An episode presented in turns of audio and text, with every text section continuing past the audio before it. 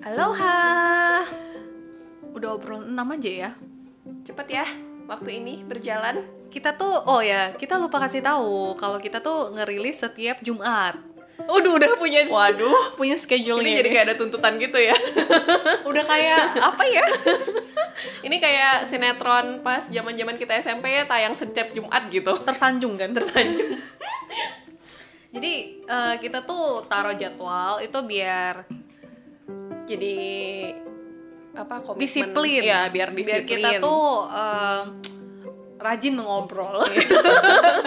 ini kayak terapi ya buat kita ya. eh aku ngerasa loh sedikit Iya ya kan? Aku ngerasa kok kamu banyak belajar dari aku. Di obrolan ke-6 ketan hitam Ketan hitam bersama Michi dan Rere.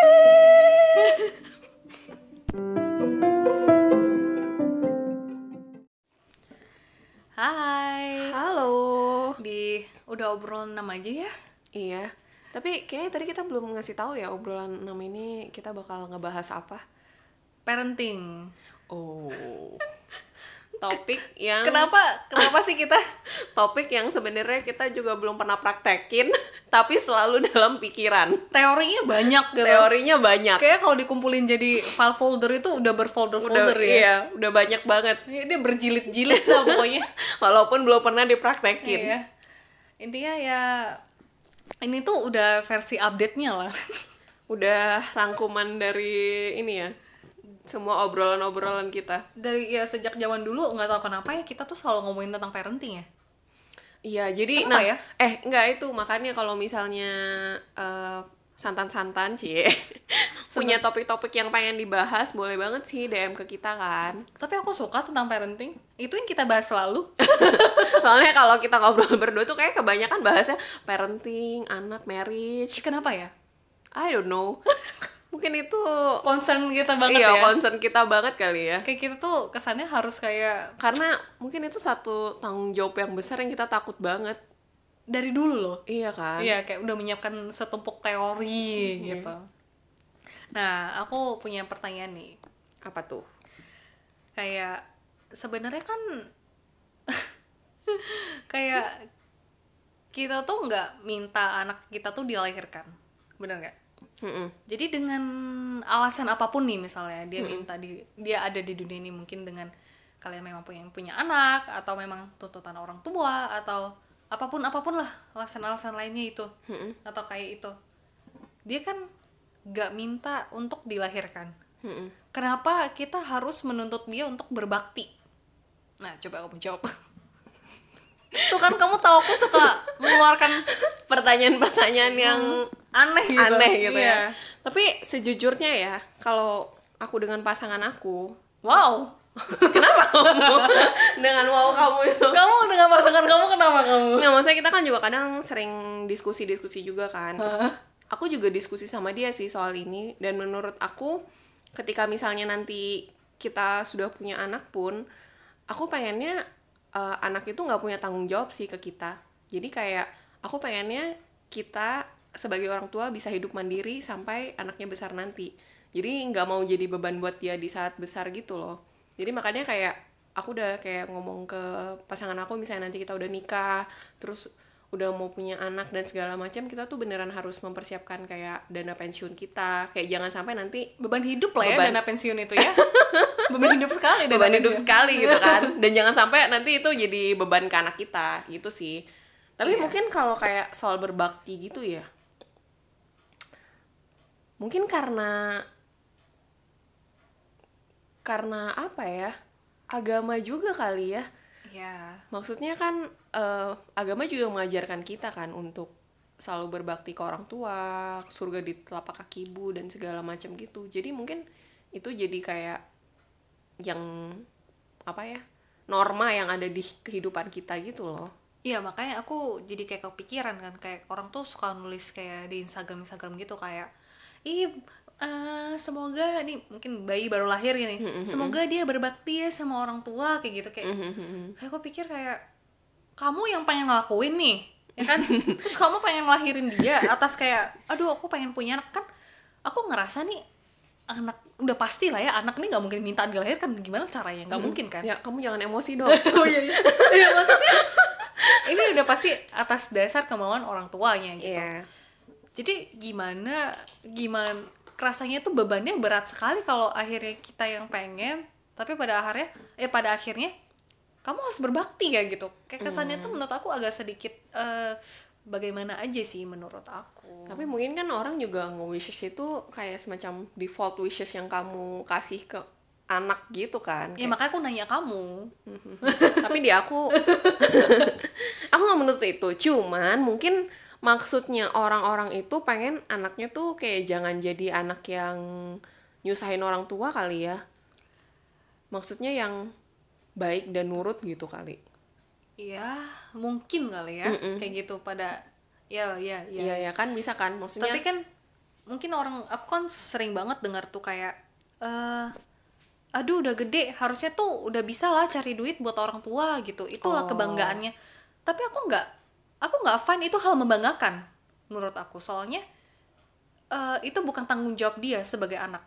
Itu bukan kita aku highlight ya tanggung jawab. Tapi kalau andaikan memang dari sana dia mau ngasih ya itu bagus. Tapi bukan yang kayak itu jadi kayak ih anak aku udah ngasih aku duit segini loh di umur segini. Anak kamu udah belum. Menurut aku tuh kayak aku aku sih nggak bakal kayak terpengaruh sama sekali. Kayak iya iya kok anak aku belum ngasih aku kayak biasa aja sih gitu. B aja Iya, gue. toh, toh aku ngelahirin dia bukan untuk dia akhirnya ngasih aku duit. Atau dia akhirnya jagain aku. Atau akhirnya dia harus mungkin eh, nurutin aku atau jadi hal yang membanggakan untuk aku misalnya kan. Ya pasti gimana pun kita wish anak kita. Jangan kita anak deh. Siapa pun lah. Maksudnya pasangan lah atau teman kita wish the best buat mereka gitu loh. Apalagi anak kita nih ya tapi kalau untuk nge-wish mereka harus ngelakuin hal-hal yang baik untuk kita lagi dikarenakan pada reason awal kita yang pengen ngelahirin mereka Iya. menurut aku tuh kayak agak aneh gitu setelah Iya, iya, aku iya. pikirkan lagi gitu Aku ngerti sih maksud kamu. kamu ngerti kita akhirnya sama Enggak, tapi ya di aku mungkin ya orang ngomong cuman pengen anaknya maksudnya berbuat baik ke orang tuanya aja sih. Tapi di aku juga aku merasa eh, itu tidak menjadi tanggung jawab anak itu untuk misalnya kayak membiayai orang tuanya atau apa kayak gitu. iya sih aku juga ngerasa gitu. Dan mungkin aku boleh kayak menanamkan ini kepada diriku sendiri ya. Karena aku juga nggak tahu nih pada akhirnya ya prakteknya seperti apa. Tapi aku pengennya sih sebisa mungkin eh tidak ada tuntutan seperti itu yang dirasakan oleh anakku gitu loh. Mm-mm. dan cara parenting aku mungkin juga kalau aneh gitu loh kayak kalau memang benar-benar dirangkumin jadi beberapa kalimat Mm-mm. itu jadi kayak iya aku hamilin aku hamil Kamu hamilin, kamu, kamu, oh tidak, ini Aku- sekali. aku hamil habis itu aku aku gedein kamu kamu kamu harus kontrol pikiran Oke, kamu oke, ya. oke. Wow. aku kan wanita Iya, baiklah. Iya terus habis itu kayak eh, aku besarkan terus habis itu mungkin aku bakal jaga dia sampai di saat umur yang dia udah bisa berpikir sendiri ya udah kamu boleh memilih apa pun dalam hidup kamu gitu kalau aku orangnya Hmm. jadi asalkan itu positif ya misalnya Mhm. jadi mungkin aku bakal kayak nge-guide ya sebisa mungkin cuma nge-guide dan berusaha tidak memberikan eh, Kontrol. gitu. feeling seperti dia tuh kayak harus melakukan seperti yang aku mau gitu Hmm. untuk menyenangkan aku atau mungkin bagaimana aku pengen dia tuh andaikan salah ya udah rasain salahnya andaikan bener ya udah rasain benernya juga kayak gini Mhm. kayak gitu Iya sih, aku juga kan nonton TED Talk. Cuman dari siapa ya kembali aku lupa kan. Hmm. Siapa yang ngomong. Cuman si dia lah ya Iya, pokoknya si Mawar ini gitu kan yang ngomong Cewek kan. dia? Dia cewek. oh oke aku kira tadi dia John Oke. Oke, si Mawar ini kan yang ngomong gitu kan. Jadi kayak eh ya dia bilang gitu, kalau misalnya standar orang tua itu kan selalu kayak pengen anaknya masuk eh, sekolah ini nanti Oxford gitu ya, ya, ya nggak itu sih, cuma Cum maksudnya gitu. iya, masuk eh, sekolah ini habis itu nanti dia harus ikut kegiatan ini, harus pokoknya anak yang sangat-sangat multitalenta gitu kan. Padahal anak itu kan punya sat punya apa ya? talenta itu bukan di semua bidang gitu loh tapi Iya. dia punya talenta mungkin di satu yang sangat menonjol gitu tapi kalau orang tua tuh pengennya anak itu menonjol di semua bidang Kalau anak kamu nggak bertalenta gimana? nggak apa-apa dia pasti bisa hidup juga kok Iya iya iya. Iya iya. hidup itu kan bukan cuma dari talenta tapi Iya, dari benar. kerja keras juga Iya benar benar benar benar. jadi kayak eh, si mawar ini kayak bilang maksudnya orang tua itu menuntut seperti itu dan yang paling aku ingat dari yang dia omong itu bener nggak sih anak ini ingin hidup seperti itu perfection seperti itu atau ini cuman orang tua yang pengen banggain anaknya bisa seperti itu Aduh itu bikin galau banget sih. Eh, kebetulan aku nggak di race seperti itu, jadi aku nggak tahu feelingnya apa ya. Hmm. Aku juga nggak di race seperti itu sih. Cuman aku kadang melihat melihat banyak banyak yang seperti itu sih kayak. Ah, ah, ah. Jadi aku punya aku ngelihat gitulah kadang Insta story orang gitu kan kayak dia bisa bilang gitu di Insta story gitu. Anakku ini eh, pinter banget. Dia eh, terus rajin banget nih habis sekolah aku langsung anterin dia les ini terus pulang rumah dia langsung pengen kerjain PR gitu-gitu gitu. Jadi kayak pas itu aku kayak langsung kepikiran juga sama si eh, apa mawar. mawar ini gitu kan. Iya ini tuh beneran. Terus ini anaknya ceritanya masih kayak eh, TK gitu loh. Oke. Jadi tapi udah diikutin les ini, terus udah pulangnya tuh mungkin ada PR mewarnai lah atau ngitung-ngitung gitu-gitu kan, kayak simple-simple homework gitu. Tapi kan kayak ini tuh beneran anaknya yang pengen ngelakuin atau si orang tuanya sih yang pengen ngebanggain Pegain di sosial media iya di gitu. sosial media gitu dan itu tuh nggak cuma sehari dia bisa berhari-hari gitu loh ngomong Oh, besoknya ngomongin hal besoknya yang lain iya lagi. aduh anak aku nih ketiduran karena capek tadi dia pulang Siapa sekolah sih? langsung pengen Aku ini, jadi pengen gitu, follow deh. gitu. jangan deh Nanti kita japri aja deh. Iya. ya, ini nggak baik. Aku, jadi ya uh, kayak gitu sih jadi ya pas itu aku langsung ngerasa bener sih ini apa anaknya yang pengen kayak gitu atau orang tuanya yang pengen ngebanggain aja anaknya sedangkan kalau aku ngelihat anaknya tuh jadi kayak kasihan gitu loh kalau kamu pengennya kayak gimana nanti? kalau aku aku pengen anak aku tuh eh, bisa bersosialisasi dengan baik sih itu yang aku pengen sih bisa bersosialisasi dengan baik terus bisa beradaptasi juga Kalau dia nggak bisa, dia introvert.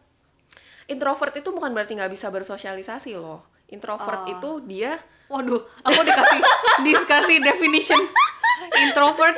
introvert itu kayak dia menemukan eh, kesenangan atau kenyamanan eh, maksudnya dalam kesendirian gitu. dalam kesendirian gitu sejujurnya aku ini orang yang introvert kalau dites Oh, oke. kayak tapi aku bisa maksudnya aku masih bisa punya teman kan aku masih bisa bersosialisasi kamu kamu kamu kalau ngomong kamu introvert tuh aku kayak nggak percaya gitu loh. iya kan banyak yang nggak percaya Aku tapi sebenarnya kayak aku suka di rumah maksudnya kalau misalnya udah sendiri aku suka di rumah aku suka baca buku sendiri itu Oke. itu yang kayak eh, kasih energi juga ke aku kayak gitu atau kalau misalnya kadang nih misalnya aku bilang ke pacar aku aku pengen ke sini terus kayak misalnya dia bilang ya udah kamu ajak inilah ajak itulah kayak biar aku jangan sendiri gitu perginya Ah. tapi aku pengen sendiri gitu Iya ya, nggak? aku ngerti banget sih itu. Nah, kayak gitu. Jadi pas dites memang aku introvert sih in a way. Tapi kan bukan berarti nggak bisa bersosialisasi gitu. Bener, Cuman bener, bener, kayak bener, kamu find comfortnya di mana gitu. benar, benar. Jadi ya aku pengen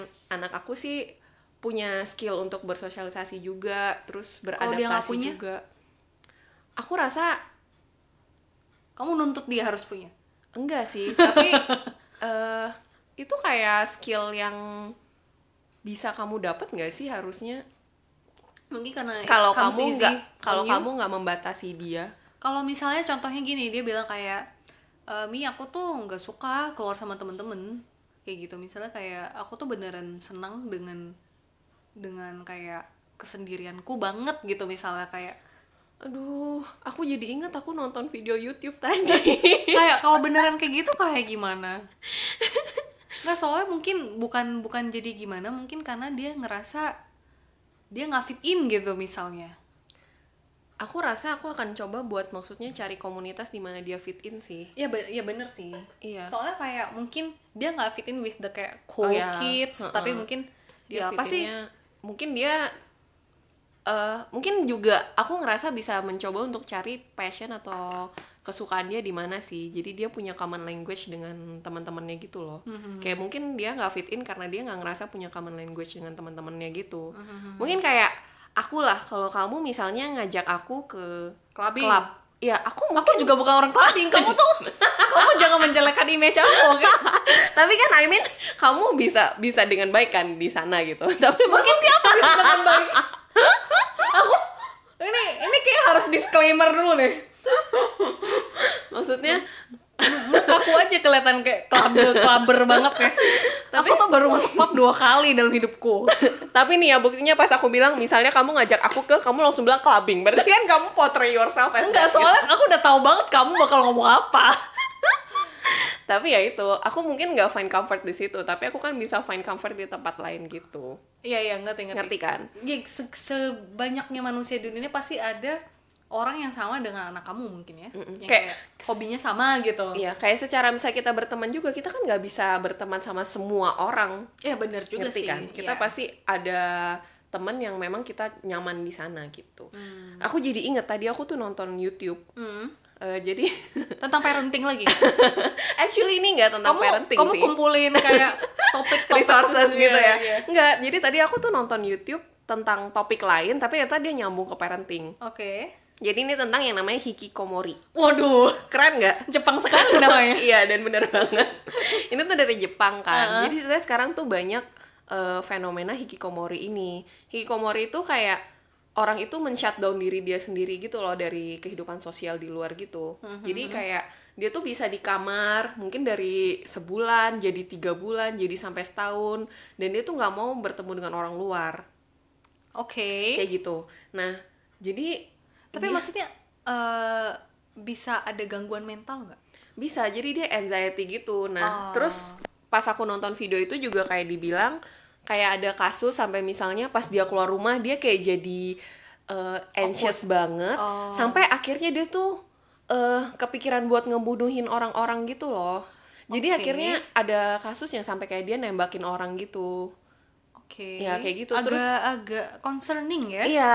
Nah, terus jadi ada rumah rehabilitasi untuk si hikikomori ini. Mhm. Nah, terus kayak pas ditanya gitu juga kan, kan dia hikikomori artinya apa itu orang-orang yang men-shutdown diri. Itu kayak istilah gitu oh loh. oke oke lanjut. terus eh, kayak kan ada psychologistnya gitu kan. Ah. terus kayak si interviewernya nanya gitu emang kalau biasa orang nelpon kamu tuh eh, siapa yang nelpon? Gitu kan. Dia bilang ya Ah. kadang orang tuanya yang nelpon. Misalnya anaknya tuh kayak gini gimana? Bisa tolong bantu nggak? Oh. ada juga yang si orangnya sendiri yang nelpon. Terus kayak orangnya misalnya nanya eh menurut kamu aku boleh nggak bunuh orang kayak oh gitu my god tapi kenapa dia tahu dia harus telepon ke tempat hikikomori ini kayak ini kan rumah rehabilitasi untuk hikikomori gitu loh. oh oke oke nah gitu. oke, Jadi kayak oke. mungkin dia apa eh maksudnya udah tahu oh aku kalau lagi merasa kayak gini aku coba deh telepon ke sini gitu. Terus ya kayak orangnya ngomong yang si psychologistnya ini ya bilang kayak menurut kamu apa kamu bakal dapat kesenangan kalau kamu udah bunuh orang kayak gitu kayak gitu tapi Agak maksudnya ya. iya jadi itu beneran satu concern banget di Jepang sekarang makanya sampai ada rumah rehabnya gitu oke Nah, jadi kayak eh, apa? Kan nanya kan, eh, kenapa sih kamu merasa kamu bisa jadi shutdown dari dunia luar gitu kan? Terus kayak mereka ada bilang misalnya karena mereka tuh nggak bisa masuk uni yang mereka mau. Terus misalnya mereka udah lulus tapi mereka nggak bisa dapat kerja. Aduh. Terus ada yang misalnya ini masih sekolah tapi dia bilang dia nggak bisa aja kayaknya keluar rumah eh, dan bertemu dengan orang-orang kayak gitu. Jadi dia kerjanya cuma di rumah aja, main game kayak gitu dia nggak bisa keluar rumah. Terus kayak ada cerita juga yang misalnya dia udah bisa sampai seminggu dua minggu nggak mandi. Jadi pas dijemput sama psikologisnya itu kayak rambutnya tuh udah super greasy banget yang lengket yang sampai kamu udah nggak bisa sisir. Geli banget ya Iya, lengket sampai menjadi satu gitu ya Iya, Beserta- sampai- beserta kerak kepala yang ketombenya sampai segitunya gitu. Nah, terus kan akhirnya pas kayak di akhir-akhir gitu ditanya gitu kan, Hmm. menurut kamu kenapa sih orang bisa kayak gini gitu. oke Terus kayak si psikologisnya ini bilang, Hah? menurut kamu mungkin eh, bakal banyak yang bilang kalau ini tuh karena orang tua nggak punya waktu buat anaknya. Hmm? Jadi anaknya jadi kayak gini. Tapi sebenarnya ini tuh karena orang tua terlalu banyak waktu buat anaknya. Oke. Jadi kayak dia tuh terlalu overprotective ke anaknya, terlalu apa kayak mengkontrol hidup anaknya gitu loh. Jadi anaknya anxious sendiri gitu. Aduh. Kayak gitu. Jadi ya gara-gara kamu ngomong aku jadi kayak kepikiran. Iya kayak gitu. Iya sih kayak karena kamu cerita lagi aku jadi kepikiran. Iya. setiap cerita membawa pikiran baru ya. Iya, ke- kemarin tuh ada teman aku cerita kayak how eh dia ngeras dia dia nggak ngerasa nyaman di rumah. While kalau misalnya parentsnya ngerasa dia udah dia udah did the best gitu loh. Kayak Hmm. intention parentsnya tuh selalu bagus gitu. Mm-mm. Tapi mungkin kita tuh selalu ngerasa ini yang terbaik buat anak kita Mm-mm. gitu kan sebagai oh ini pokoknya kamu harus jadi orang yang eh, berduit gitu misalnya atau nilai bagus kamu tuh baru bisa survive di di dunia ini. Tapi sebenarnya mungkin nggak kayak gitu gitu loh caranya. Oke memang bener aku nggak bilang kayak oh kalau nggak punya duit ya bisa. Nggak lah semua ini juga belinya pakai duit aku tahu gitu. Tapi mungkin lebih nggak dititikkan pada hal itu doang gitu loh. Kayak kalau aku ya aku mah mungkin ya aku nggak tahu sih kayak ke depannya bakal seperti apa? Ini pemikiran di umur 20 akhir An- 20-an iya, akhir 20-an ya dan belum punya anak gitu iya. ya.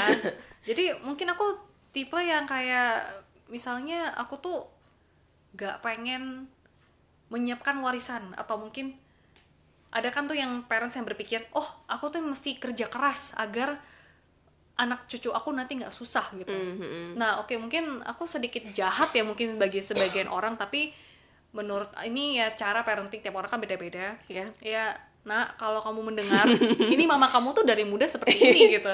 Jadi aku tuh tipe yang aku tuh nggak bakal kayak aduh aku harus nyari duit mati-matian buat anak cucuku nggak susah enggak gitu. Tapi ya bukannya kayak pengen lihat mereka susah juga, tapi aku bakal nyari sebatas sampai aku mungkin nantinya umur 70 apa 80 mungkin ya katakanlah. Ya kalau aku hidup sepanjang itulah umurnya. Dan kalau memang ada sisa ya itu buat kalian, tapi fokus hidup aku tuh nggak untuk cari untuk comfort anak cucu aku gitu loh. Jadi sampai di umur yang kalian segini, kalian harus cari hidup kalian sendiri. Aku nggak, nah se- itu itu tidak baiknya mungkin ya. Mungkin kesannya tuh kayak agak jahatnya versinya. Tapi mungkin in the other way, aku bakal let kalian choose anything yang kalian mau gitu loh. Jadi aku- aku nggak bakal kontrol Iya. hidup kalian. Iya take control a lot sampai kayak nggak boleh ya kamu harus ngambil jurusan ini ya baru kamu tuh bisa eh, kamu harus ngambil accounting atau kamu harus ngambil bisnis misalnya contohnya baru kamu tuh bisa cari duit misalnya kayak gitu. Ya kalau kamu ngerasa aku mungkin bakal advice-nya mungkin kayak gini kepikiran seperti ini. Kalau kamu ngerasa kamu bisa mau ngambil jurusan kayak apa sih jurusan-jurusan yang agak ba- apa ya? Yang kesannya apa ya? tuh nuklir gitu misalnya. Enggak, enggak maksudnya kayak jurusan yang kayak agak a- apa ya? Bertani gitu misalnya ya. Dia pengen eh pertanian tuh bagus tau sekarang Oh iya atau kayak apa pun lah, apa pun itu. Misal kayak fisika gitu misalnya ilmuwan fisika gitu Iya, aku coba bak- bakal bilang. Kamu yakin? Iya, misalnya kamu suka, iya, dan kamu rasa kamu bisa membiayai hidup kamu ke depannya gak haruslah mewah, tapi maksudnya kayak kamu Cukup. cukup untuk survival kamu aja deh. Kamu bisa makan, kamu bisa hidup, kamu bisa continuing continuing continuing apa sih? Continue, Melanjutkan. continue hidup kamu. Maksudnya dengan hal yang kamu suka, ya dan it's fine kamu lakuin. Karena menurut aku kan dia umur 17 ya best decision waktu itu ya itu. Ya andai kan nanti dia setelah udah nyoba tiga tahun fisika dia nggak suka fisika dia mau nyoba yang lainnya dan it's okay gitu loh.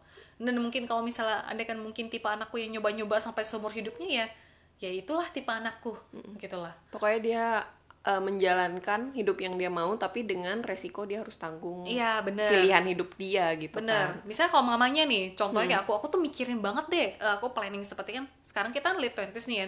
Kita planning oh nikah harus seperti ini. eh Hmm, married. eh, punya anak harus Punya seperti ini. Tapi kalau misalnya dia yang kayak ah nggak apa-apa lah, eh, ma aku mau nyobain ini nanti kalau ke depannya lagi kan nggak kalau gagal juga nggak apa-apa kan hidup aku tuh kan ada 70 tahun aku punya waktu selama itu buat nyoba dia bilang kayak gitu. Ya dan it's okay gitu loh. Aku orangnya tuh kayak as long as it's positive dan itu kamu bisa men- menjaga diri kamu membiayai hidup kamu aku fine gitu. Aku bakal mungkin nge-guide mungkin dia nanya saran aku bakal kayak ya mungkin lebih baik ini. Tapi kamu pikir lagi kamu bakal lebih satisfied sama yang mana atau kamu suka mana ya dan go on gitu. Karena menurut aku tuh eh, nggak fair ya. Kalau kita tuh memaksakan uh, value hidup kita masuk ke dalam value hidup dia juga gitu.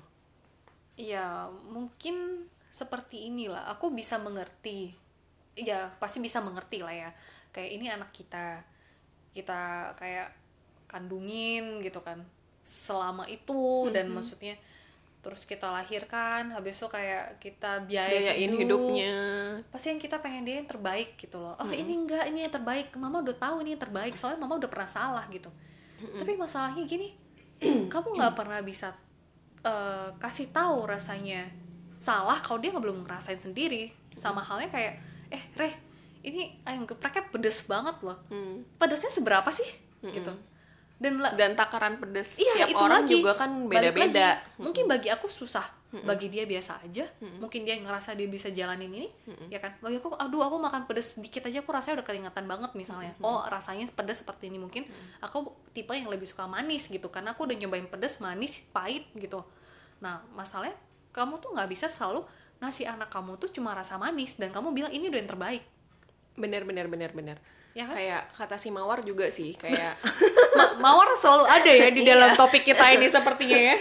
kayak si mawar juga bilang sih kayak kamu tuh jangan terlalu apa sih bubblein anak kamu gitu loh karena Hmm. nantinya dia nggak punya set of skills yang dia butuh buat survive gitu Iya, sedangkan harusnya dari kecil itu kamu ngajarin dia itu survival skill itu supaya pas dia nanti tumbuh besar dia bisa survive ketika nggak ada kamu kayak gitu Ya dan kita juga nggak pernah tahu sih ya umur Kapan? sampai ke mana Mm-mm. ya kan.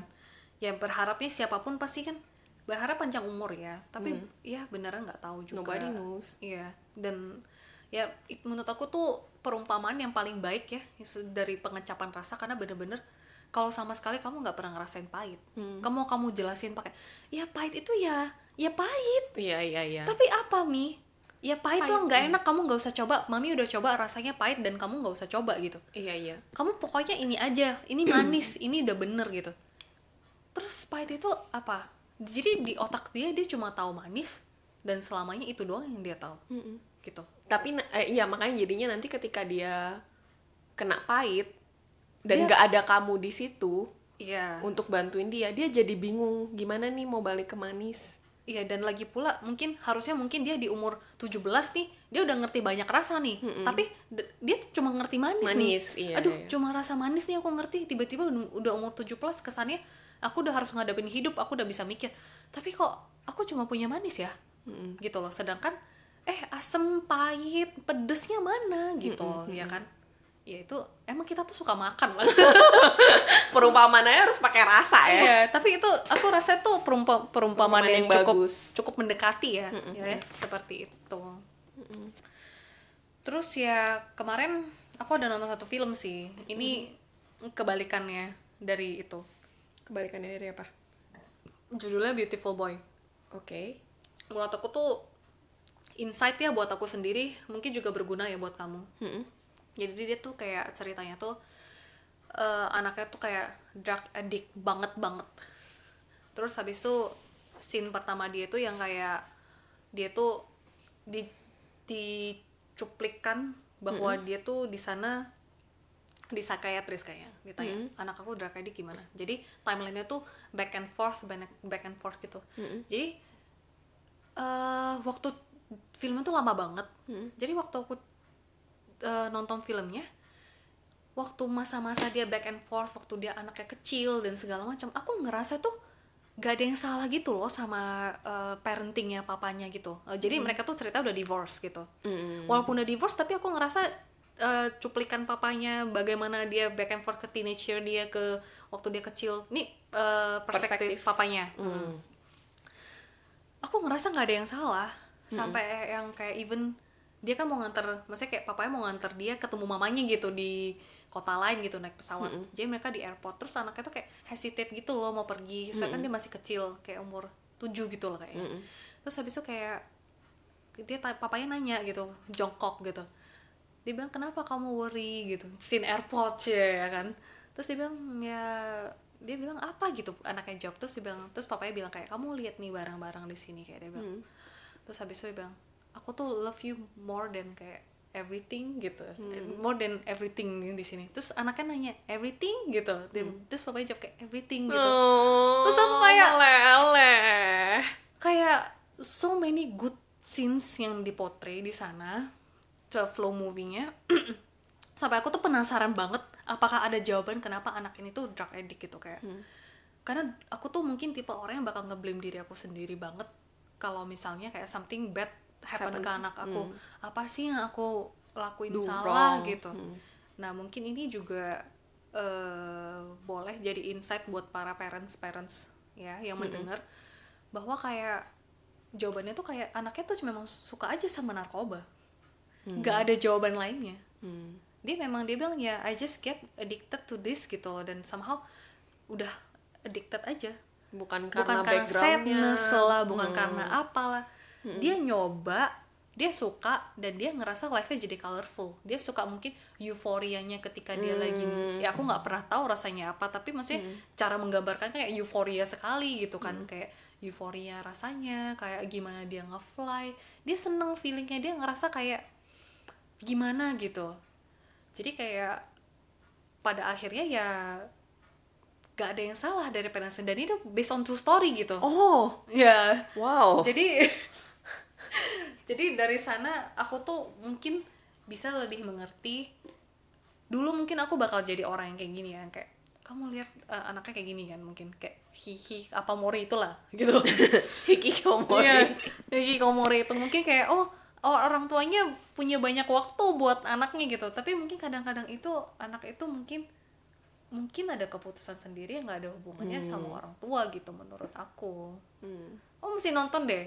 Kayaknya aku tertarik banget sih buat nonton sih. Endingnya kayak bagus gitu menurut aku. Tapi serem gak sih Enggak, enggak ada yang seru. Kamu- menurut aku kayak karena dia based on true story ya mungkin jadi lebih aku suka sih film-film yang kayak based on true story gitu. Iya lebih reliable gitu. Jadi kayak- bukan reliable lah. Jadi maksudnya it happen gitu loh. Bukan cuma kayak imajinasi eh, para para eh, su- sutradara atau ya Hmm, apa pun itulah ya scriptwriter. gitu. Heeh, misalnya.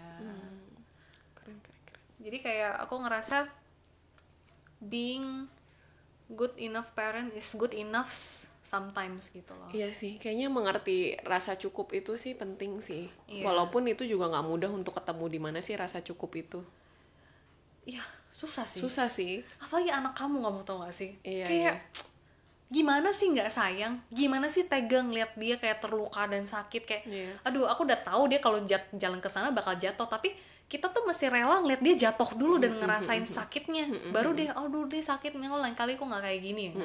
Mungkin aku mungkin lain kali nggak jalan ke sana atau aku mungkin lain kali lebih hati-hati. Tapi dia mesti jatuh dulu gitu loh. Itu yang pedihnya sebagai Terus kadang kan insting kita pasti pertama kali buat jangan jangan ke sana, iya. Nanti kamu jatuh. Iya, gitu kan. bener-bener bener-bener. Itu pasti kan kayak insting insting awal kita kan. Karena kita Instead udah of tahu. let him fall first gitu kan. Iya kita udah tahu ke sana bakal jatuh, tapi Iya, ya kita harus bisa belajar untuk ngelihat dia ngelakuin kesalahan-kesalahan gitu loh. Iya iya. Aku aku jadi keinget dulu pernah. Aku kan lagi makan ceritanya. Kamu makan. Heeh. Terus lucu banget ada satu anak ini gitu kan. Hmm. Terus dia jalan kan. Hmm.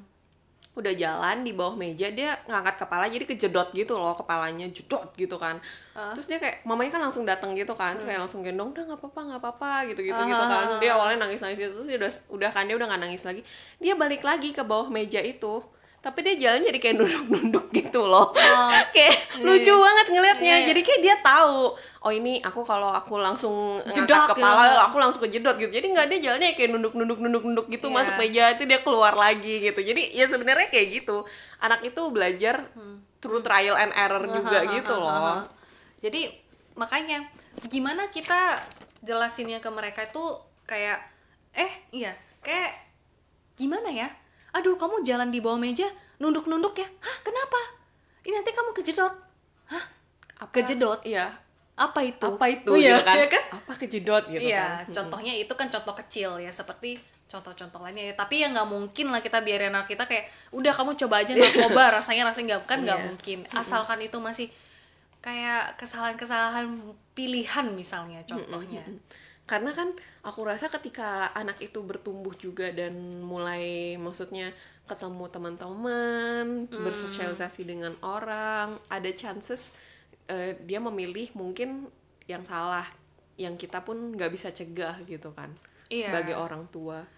Mungkin ya ke semua hal ya setelah aku bahas lagi dan balik lagi ya communication itu mungkin penting ya. Hmm, it is sih. Jadi kayak mungkin fundamental banget ya. Iya kan, mau gimana pun kita eh, at least at least setidaknya kalau misal komunikasi kita baik, kita masih bisa kayak eh mam tadi Berdiskusi tuh iya gitu eh mam ya. tadi temen-temen aku tuh kayak gini loh gitu. Jadi kita bisa kayak mikir oh ya misalnya kayak misalnya kan dibilang eh teman-teman aku tadi barusan nyobain rokok loh misalnya kayak gitu kan. Kita bilang kan kita bisa kayak oh gimana kamu juga ikut atau apa kan at least kita tahu udah sampai fase mana anak kita, Anak kita, nggak iya. tiba-tiba jor hilang gitu loh. Langsung tiba-tiba kayak baik mam gue udah sampai stage ini gitu Iya, kan. iya, iya, Ya kan? bener, bener bener. kan? Bener banget sih. Kayak to keep track juga kan. Iya. Ya nggak. Lebih ke kalau memberikan pilihan gini ya sama kayak bahayanya bahayanya itu ada dalam kayak kalau kamu terlalu menjaga. Seperti lah hikikomori itu. Mm-mm. bahaya terlalu menjaga mungkin ya kalau terlalu banyak waktu yang kamu spend anak tuh merasa tertekan terlalu sebagai terlalu banyak ini. Dikontrol banget. Iya terlalu banyak kayak aduh ke pressure banget lah aku harus kayak secara ya sama juga ada jeleknya kalau kamu terlalu memba- membebaskan. Ya kan? Kembali ke rasa cukup itu yang sangat susah ditemukan balance-nya. Iya.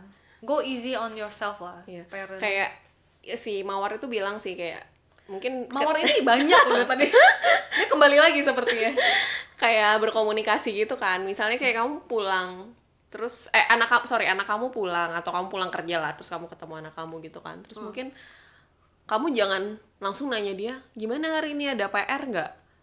Hmm, ngerti nggak? Jadi kamu find find value di dia tuh oh kamu harus sudah kerjain PR kamu harus gini gini gini gitu loh. Tapi kamu coba tanya dia maksudnya kayak gimana hari ini eh, di sekolah enak nggak ceritain dong apa yang nyenengin hari ini di sekolah kayak gitu for example dia jawabnya oh lunch gitu iya tapi you expect misalnya dia jawab math class gitu iya ya kan iya, iya, iya.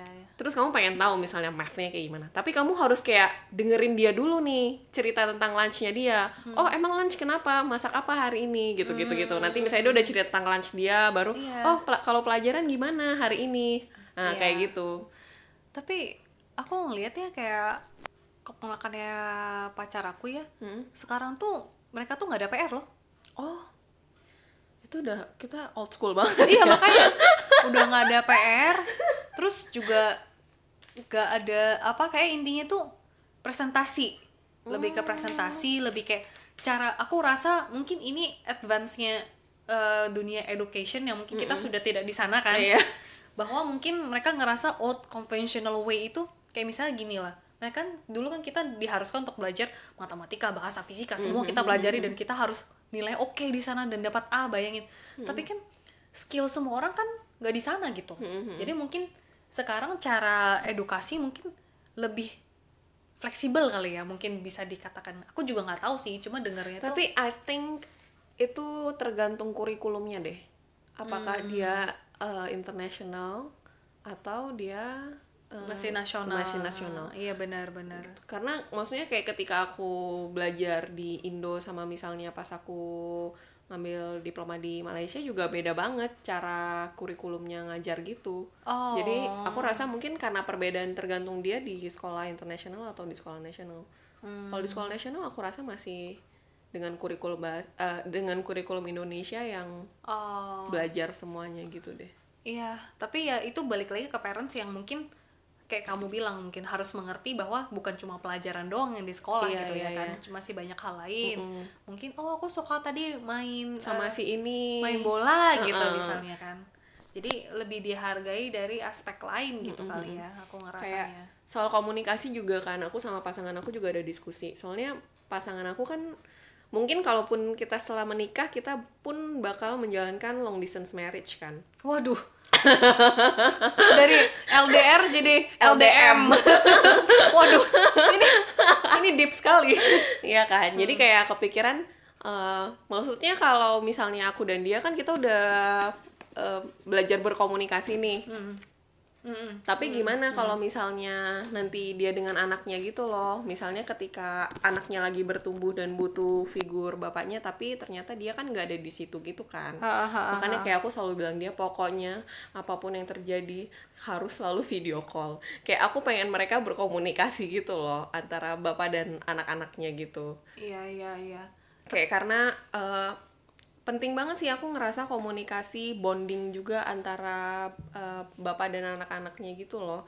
Jadi nggak nggak yang nanti misalnya bapaknya balik terus anak-anaknya jadi awkward ada di dekat bapaknya gitu padahal dia kan harusnya salah satu figur yang dek- yang paling dekat dengan mereka gitu kan. Benar benar benar. Benar sih itu perlu kamu pikirkan sih. Iya, Sebenarnya bagaimana cara nge-solve hal-hal seperti Iya. itu kan.